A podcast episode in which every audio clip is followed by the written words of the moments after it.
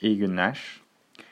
Ee, Richard Nisbet'in Düşüncenin Coğrafyası isimli kitabının e, incelemesini yapıyorduk. Üçüncü bölümde sizlerleyiz ama burada kitabın ikinci bölümünü e, işleyeceğiz. İkinci bölümde kalmıştık. Bu bölümde e, Doğu ve Batı'da toplumsal aklın kökenlerine bakacağız ve burada belli başlı değineceğimiz özellikle modern dünyada dünyaya yansımalarına değineceğimiz e, noktalar olacak. Bunları ele alacağız. Ayrıca e, bu bölümde kitapta verilen e, özellikle başta da söylediğim gibi bir takım anket ve psikolojik testler, test sonuçlarının neler olduğundan da bahsedeceğiz arkadaşlar. Bu bölümde birazcık kedim ses yapabilir. Umarım rahatsız olmazsınız. Ee, Yunanlıların özellikle Yunanlılara özgü bu merak duygusu nereden geliyor diye soruyor yazarımız. Kısmen ülkelerinin dünyanın bir kavşak noktasındaki konumuyla açıklanabilir. Yunanlılar sürekli yeni ve şaşırtıcı e, insanlar, adetler ve inançlarla karşılaşıyorlardı. Kıyıların yakınında yaşayan herhangi bir Yunanlı yani büyük çoğunluk için başka etnik grupları e, dinleri ve devletleri temsil eden insanlarla karşılaşmak son derece olağan bir durumdur. Atina'nın kendisi yıldız savaşlarındaki bara benzetilebilir de bu Star Wars'daki. Yunanlıların çevresinde dönüp duran bütün o farklı uygulamaların ve inançların aşikar bir sonucu e, çelişkilerin üstesinden gelme zorunluluğuydu. Bir kişi A'nın doğru olduğunu ileri sürerken bir başkasının A ol, olmayanın doğru olduğunu savunduğu durumlarda sürekli karşı karşıya kalınıyordu.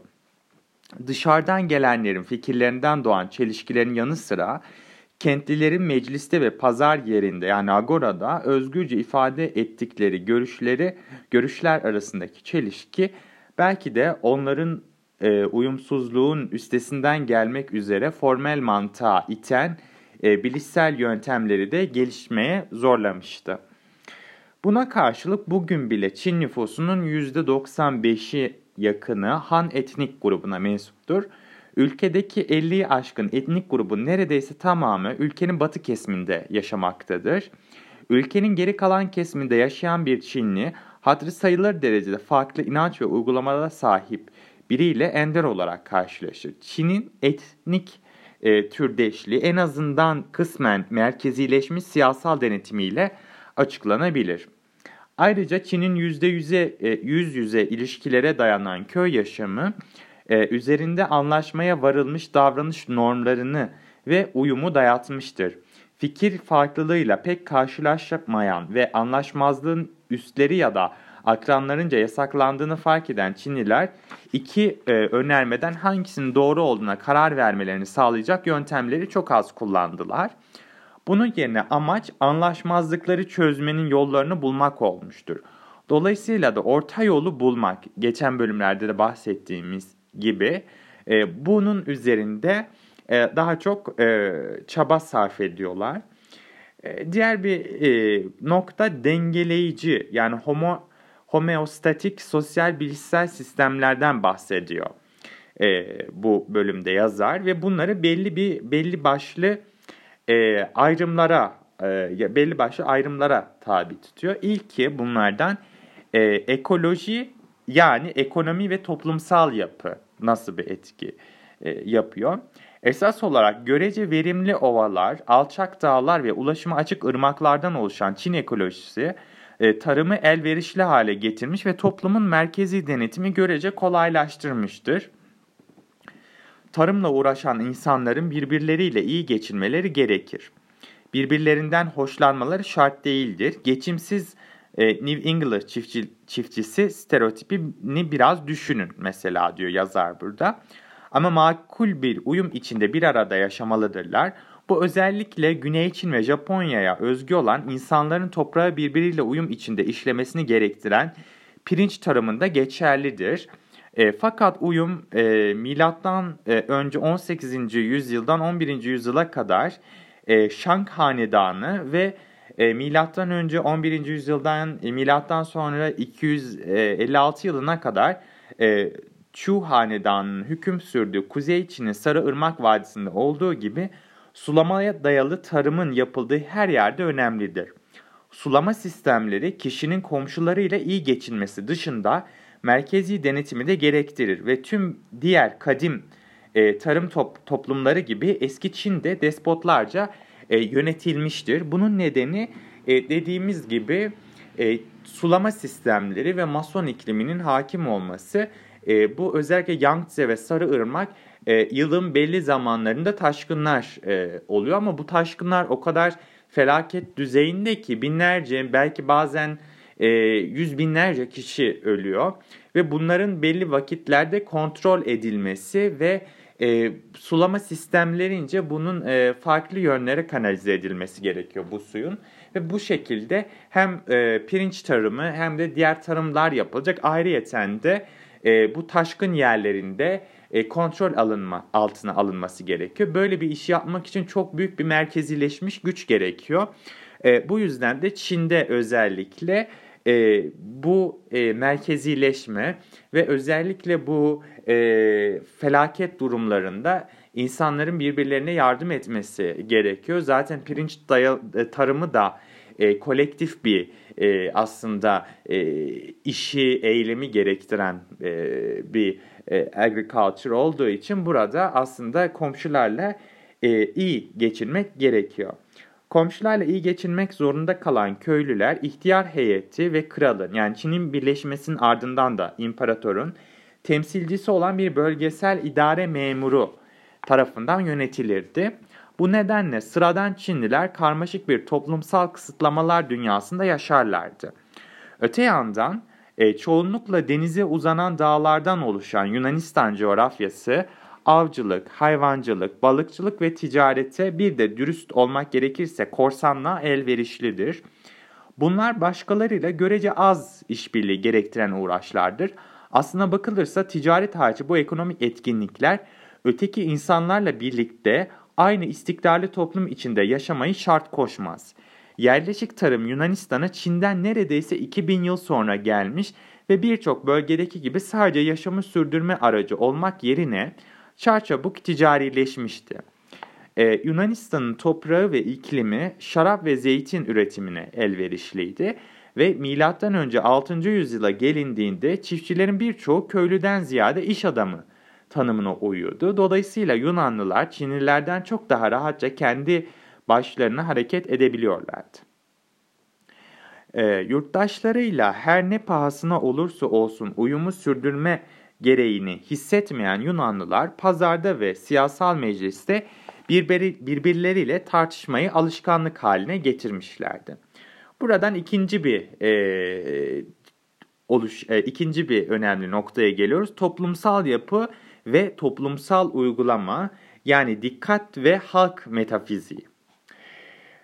Ee, Çinliler ekonomik, toplumsal ve siyasal yaşamlarında emsallerine ve e, emsallerine ve yetkililere dikkat ederek yaşamak zorundaydılar. Ötekilerle ilişkileri yaşamlarına hem kısıtlama getiriyor hem de başlıca fırsat kaynağını oluşturuyordu. Burada e, özellikle e, e, toplumsal dünyaya karşı bir dikkatli olma e, zorunluluğu getiriyor.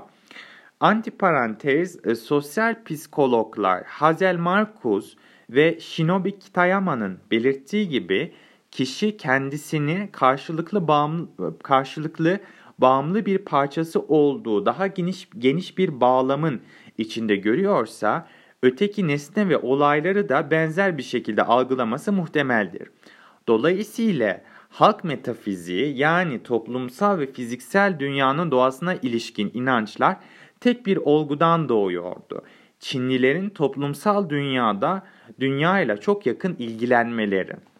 Benin bir ilişkiler ve toplumsal yükümlülükler ağına bağlı olduğu anlayışı genelde dünyayı soyut ve bağımsız nesnelerden oluşmuş olarak değil de süreklilik gösteren ve maddelerden oluşan bir yer şeklinde görmeyi de doğal hale getirebilmiş görüyordu. Nedensellik alanda veya nesne ile alan arasındaki ilişkide görülüyordu. Alana gösterilen iktina, karmaşıklık ve değişimin yanı sıra pek çok ve birbirinden farklı unsurlar arasındaki çelişkinin kabulünü de teşvik ediyordu. Oysa Yunanlılar öteki insanlarla ilişkileri ilişkileri tarafından aşırı kısıtlanmaksızın nesnelere dikkat etme lüksüne sahipti. Buna öteki insanlar ve onlarla ilgili kendi hedefleri de dahildi. Bir Yunanlı başkalarına pek az danışarak veya hiç danışmadan hasat yapmayı planlayabilir, koyun sürüsüne yeni bir otlak bulabilir veya yeni bir mal satmanın karlı olup olmadığını araştırabilirdi. Bu durum Yunanlıların kategorize etme amaçlı bir bakış açısına, e, nesnelerin niteliklerine odaklanarak davranışlarının önceden kestirilmesini ve denetlenmesini sağlayacak kuralları bulmalarını doğal hale getirmiş olsa gerek. Nedensellik, nesnenin özelliklerine bağlı veya kişinin nesne ile ilişkili eylemlerinin sonucu olarak görülüyordu. Böyle bir nedensellik görüsü, Yunanlıların istikrar ve kalıcılık varsayımlarının yanı sıra nesnedeki değişimin kendi denetimleri altında olduğu varsayımını da desteklemiş olabilir. O halde bu iki toplumun halk metafiziği doğrudan doğruya dikkat hedeflerinden doğmuş olabilir. Çinlilerde dikkat edilen şey çevre ve alan, Yunanlılarda ise nesnedir. Her iki toplumun bilimsel metafiziği de halk görüşlerinin bir yansımasından ibaret olsa gerek. Üçüncü bir konu halk metafiziğinde üstü örtülü epistemoloji ve bilişsel süre, süreçler. Halk metafiziğinin üstü örtülü epistemoloji ya da yeni bilginin nasıl edinilebileceğine ilişkin inançları etkilemesi beklenebilir. Eğer dünya sonuçların belirlenmesinde nesneler ile olaylar arasındaki ilişkilerin can alıcı olduğu bir yerse, o zaman nesneler arasındaki ilişkileri görmek ve bütün ile parçalar arasındaki ilişkiyi anlamak için alandaki tüm önemli unsurları gözlemlemek önem taşıyacaktır. Ee, özellikle hem diyalektik hem de mantık toplumsal çatışmaların üstesinden gelmek üzere geliştirilmiş bilişsel gereçler olarak görülebilir. Toplumsal varoluşu uyuma dayalı olan bir halkın çatışma veya tartışma geleneği geliştirmesi bekleyemeyiz. Tam tersine bakış açılarında bir çatışma ile karşı karşıya geldiklerinde çelişkiyi çözmeye, aşmaya veya bir orta yol bulmaya, kısacası sorunlara diyalektik açıdan yaklaşmaya yönelebilirler. Buna karşılık özgür olan bir halkın çelişmezlik ilkesi ve formel mantık da dahil olmak üzere tartışmayı idare etmek için kurallar geliştirmeleri beklenebilir. Mantıktan bilime giden yol, fizikçi ve bilim tarihçisi olan Alan Cromer'ın gözlemlediği gibi kolaydır. Bilim bu görüşe göre retor retoriğin bir uzantısıdır. Yunanistan'da sadece Yunanistan'da Yunanistan'da ve sadece Yunanistan'da icat edilmiştir. Çünkü Yunan Halk Meclisi kurumu tartışma becerisine büyük itibar göstermiştir.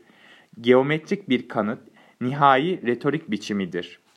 Yunanlı ve Çinlilerin zihniyet farklılıklarına ilişkin bu görüşün önemli bir yönü de örtülü bir homoestasis im imasıdır. Yani bir organizma ya da hücrenin kendi fizyolojik kendini fizyolojik süreçlere uyarlamak yoluyla içsel dengesini koruma yeteneği veya eğilimi. Ekonomik güçler farklı toplumsal yapıları sürdürecek şekilde işlendiği sürece farklı toplumsal uygulamalar ve çocuk eğitimi insanların çevredeki farklı şeylere odaklanmasıyla e, sonuçlanacaktır. Özellikle burada e, belirtmemiz gereken şey. E, peki bu köken kuramına e, özellikle konuştuğumuz günümüzde e, destekler var mı? Burada ondan e, bahsedeceğiz. E, bilişim bu ekonomik toplumsal açıklaması e, batıdaki bazı önemli tarihsel değişimlerle uyuşmaktadır. Batı, Orta Çağ'da başat olarak tarımla ilgilenirken daha az bireyci oldu. Avrupa köylüsü gündelik yaşamda karşılıklı bağımlılık veya özgürlük açısından ya da akıl yürütme, rasyonalist yaklaşım bakımından herhalde Çin köylüsünden çok da farklı değildi. Üstelik entelektüel ve kültürel başarı açısından Avrupa tam anlamıyla geri kalmış bir durumdaydı. Arap emirleri Platon ve Aristoteles'i tartışırken ve Çin'in bölgesel yöneticileri tüm sanatlarda ustalıklarını ortaya koyarken Avrupalı soylular rutubetli şatolarda sığır butlarını kemirmekle meşguldü. Ancak Orta Çağ'ın sonlarına doğru Avrupa tarımındaki gelişmeler, en önemlisi karabas, kara atın çekmesini mümkün kılan hamutun icadı, eski Yunan kent devletlerine çok benzeyen yeni ticaret merkezlerinin doğmasını sağlayacak kadar servet fazlası yarattı. Burada Avrupa'dan bahsedilen e, Yunanistan değil arkadaşlar ya da Roma kısmı değil. E, İtalyan kent devletleri ve daha sonra kuzey devletleri büyük ölçüde özerkti. Çoğunlukla da despotların otoritesine tabi değildi. Birçoğu bir şekilde demokratik, en azından oligarşik nitelikteydi. Elbette ki varlıklı tüccar sınıfıyla birlikte kent devleti şeklinin yeniden doğuşu, bireycilik, kişisel özgürlük, rasyonalizm ve bilimin rönesansıyla ilişkiliydi. 15. yüzyıla gelindiğinde Avrupa bin yıllık uyuşukluğundan sıyrılmış ve neredeyse her alanda felsefe, matematik, sanat ve teknoloji Çin'le rekabet etmeye başlamıştı. 15. Ee, yüzyılın başlarında gerçekleşen bir olay Avrupa ile Çin arasındaki farklar konusunda aydınlatıcıdır. Büyük Hadım lakaplı imparator Çin'den Güney ve Güneydoğu Asya, Avrupa, Orta Doğu, Batı Afrika'ya yelken açan servet ve harikalarla dolu teknolojik olarak Pinta, Nina ve Santa Maria'dan çok üstün olan yüzlerce gemiyle bir yolculuk yapar. Hint Okyanusu, İran Körfezi ve Kızıldeniz kıyılarında yaşayan halkları Çin'in onlardan her bakımdan üstün olduğunu ikna etmek olan birincil amacına ulaşır. Fakat Çinliler bu toplumların üretebildikleri veya bildikleri, Afrikalı ev sahiplerinin kendilerini gösterdikleri bir zürafa da dahil olmak üzere her şeye kayıtsız kalırlar. Sadece zürafanın eskiden Çin'de bir imparatorun doğumu gibi önemli olaylarda ortaya çıkması beklenen Çilin adıyla tanınan bir yaratık olduğunu hatırla hatırlamakla yetinirler. Bu merak eksikliği Çin'in tipik özelliğiydi. Orta Krallığın Çin'in kendi kendine verdiği e, yani Zongguo yani Orta Krallık demek e, Çin'in Çinilerin kendi ülkelerine verdikleri şu andaki isim de bu. E, Orta Krallık yani dünyanın merkezi anlamına gelen at. E, Çin sakinleri e, yabancıların anlattığı hikayelere pek az ilgi göstermişlerdi. Dahası Çin'de bilgiye, bilgi adına hiçbir zaman büyük ilgi duyulmamıştır. Daha pragmatik yaklaşıyorlar. Modern Çinli felsefeciler bile her zaman kendi adına soyut kuramsallaştırmadan çok bilginin pragmatik uygulamasıyla e, ilgilendiler e, özellikle. Tabi günümüzde elbette Doğu gittikçe artan bir hızla batılı düşünce birikimini benimsemekte. Bu fikirlerin e, doğuda ne gibi etkiler yapacağı, doğulu bir süzgeçten geçtikten sonra neye benzeyeceği ve orada uğradığı değişikliklerden hangilerinin batı tarafından da benimseneceği, çağdaşların zihinsel alışkanlıklardaki farklılıklara bakarak tahmin edilebilir. Tarihsel olarak Yunanistan ile Çin'in neden bunca farklı yollar izlediğine ilişkin e, yazarın önerdiği izahat biraz tabii ki spekülatif. Bununla birlikte bilimsel bir kuramdır da. Çünkü bu aslında sınanabilir psikolojik açıdan ve burada e, yazar bize örnek bir e, psikolojik deney veriyor. E, 20. yüzyıl psikologları ekonomik ve toplumsal etmenlerin algısal alışkanlıkları etkileyebileceğine ilişkin deliller sundular. Herman Witkin ve meslektaşları bazı kişilerin bir nesneyi onu kuşatan e, çevreden ayırmaya diğerlerinden daha az yatkın olduğunu gösterdiler. Ortaya koydukları bu boyutu bir nesnenin algılanmasının ortaya çıktığı arka plan veya e, çevreden etkilenme derecesine gönderme yaparak alan bağımlılığı, altını çiziyorum, alan bağımlılığı olarak adlandırdılar. Witkin alan bağımlılığını çeşitli yöntemle ölçtü. Bunlardan biri de çubuk ve çerçeve testiydi. Bu teste katılımcı ucunda etrafı çer- çerçevelenmiş bir çubuğun bulunduğu uzun bir kutunun içine bakar. Çubuk ve çerçeve birbirinden bağımsız e, olarak e, çevrilebilir ve katılımcının görevi çubuğun ne zaman tam anlamıyla dikey olduğunu göstermektir. Katılımcı çubuğun dikeyliğine ilişkin yar- yargısı çerçevenin konumuyla bağlantılı olduğu ölçüde alan bağımlısı sayılır. Altını çiziyorum.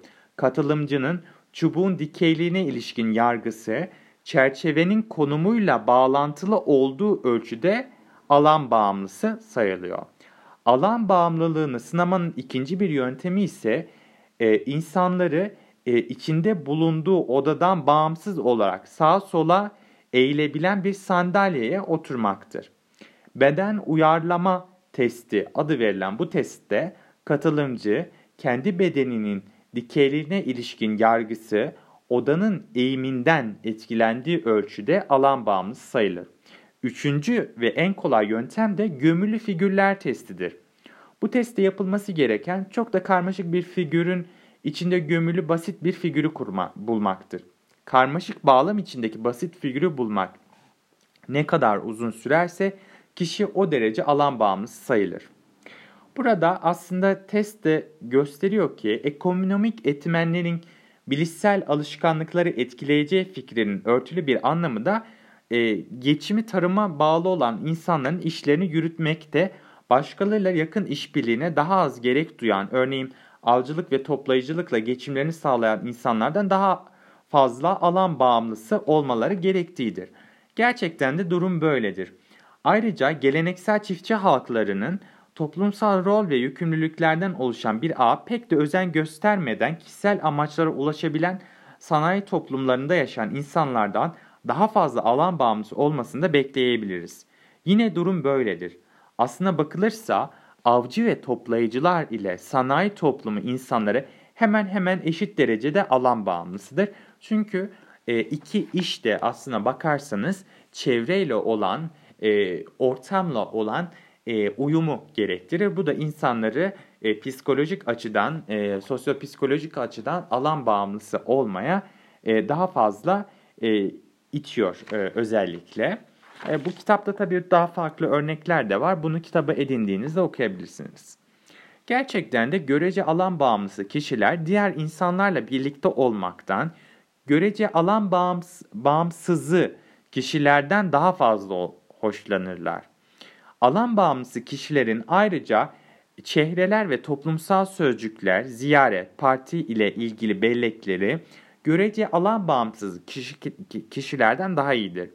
Tercih hakkı verildiğinde alan bağımlısı kişiler görece alan bağımsızı kişilere göre başkalarına da daha yakın oturmaktan hoşlanırlar. Burada ben size bir e, kişisel örnek ver, vermek istiyorum. Özellikle e, Japonya'da e, okumaya başlayacak e, birisi olarak ve tabii ki kendi alanımda e, Japonya çalışmaları olarak e, Japonlarda özellikle e, ilk mesela birisiyle date, e, bir buluşma e, gerçekleştireceksiniz Japon bir bireyle. Genellikle kişisel e, yani normali tırnak içerisinde bizim için nedir? Karşılıklı buluşmadır. Yani ilk buluşmada kişiler gayet tabii bize göre bir kafede otururlar ve iki başlarınadır. Ancak Japonlar alan bağımlısı olduğu için görece diğer insanlarla birlikte olduklarında kendilerini daha rahat hissettikleri için çünkü bireyci bir yapıya sahip değiller ve bu yüzden de tek başınayken nasıl davranacakları konusunda zorlanıyorlar. E, bu yüzden genelde çift buluşması ya da işte çok siz şaşırabilirsiniz yani siz tek başınıza gidersiniz ama o arkadaşlarıyla gelmiştir ilk buluşmaya. Çünkü e, çoklu bir ortamda e, tanıdığı e, ve kendi grubundan çok fazla insanın olduğu bir ortamda daha fazla rahat edecektir. Çünkü Japonlar daha fazla Batılılara göre alan bağımlısıdır. Bu da benim vereceğim, verebileceğim bir örnek ol, olması gerek. Yani bunu bu bölümdeki şeyleri kısaca özetleyelim. Bu kısım çok önemli. Belki not bile alabilirsiniz. 1. Dikkat ve algılama modelleri. Doğuluların daha çok çevrelerine, batılıların ise daha çok nesnelere dikkat etmesi ve doğuluların olaylar arasındaki ilişkileri saptamaya batılılardan daha yatkın olması. 2. Dünyanın bileşimine ilişkin temel varsayımlarsa doğuluların maddeyi görürken Batılıların nesneyi görmesi. 3. Çevrenin denetlenebilirliğine ilişkin inançları Batılıların denetlenebilirliğe doğululardan daha fazla inanması. 4. İstikrara karşı değişimle ilgili örtülü varsayımlar Yani doğuluların değişim gördüğü yerde batılıların istikrar görmesi. 5. E, olayların açıklamasına ilişkin e, tercih edilen kalıplarda batılılar nesnelere odaklanırken doğuluların e, çevreyi de içerecek şekilde daha geniş bir ağdan yararlanması. 6. Dünyayı düzenleme alışkanlıkları açısından batılıların kategorileri yeğlerken doğuluların ilişkileri vurgulamaya daha yatkın olması. 7. Formel mantık kurallarının kullanımı açısından olayları anlamakta Batılıların Doğululara göre mantık kurallarını kullanmaya daha yatkın olması ve 8 e, diyalektik yaklaşımların uygulanması açısından göze çarpan çelişkiyle karşılaştıklarında Doğuluların orta yolu aramaya, Batılıların ise bir inancın diğerine karşı doğruluğu ve üstünlüğü konusunda diretmeye daha eğilimli olması yani bunlar en azından doğulular ile batılıların kendilerini ve toplumsal dünyayı e, gerçekten de köklü bir biçimde farklı görmeleri durumunda doğacak zihinsel alışkanlıklara ilişkin beklentiler diyebiliriz. Evet bugünlük bu kadar. Diğer bölümde görüşmek üzere.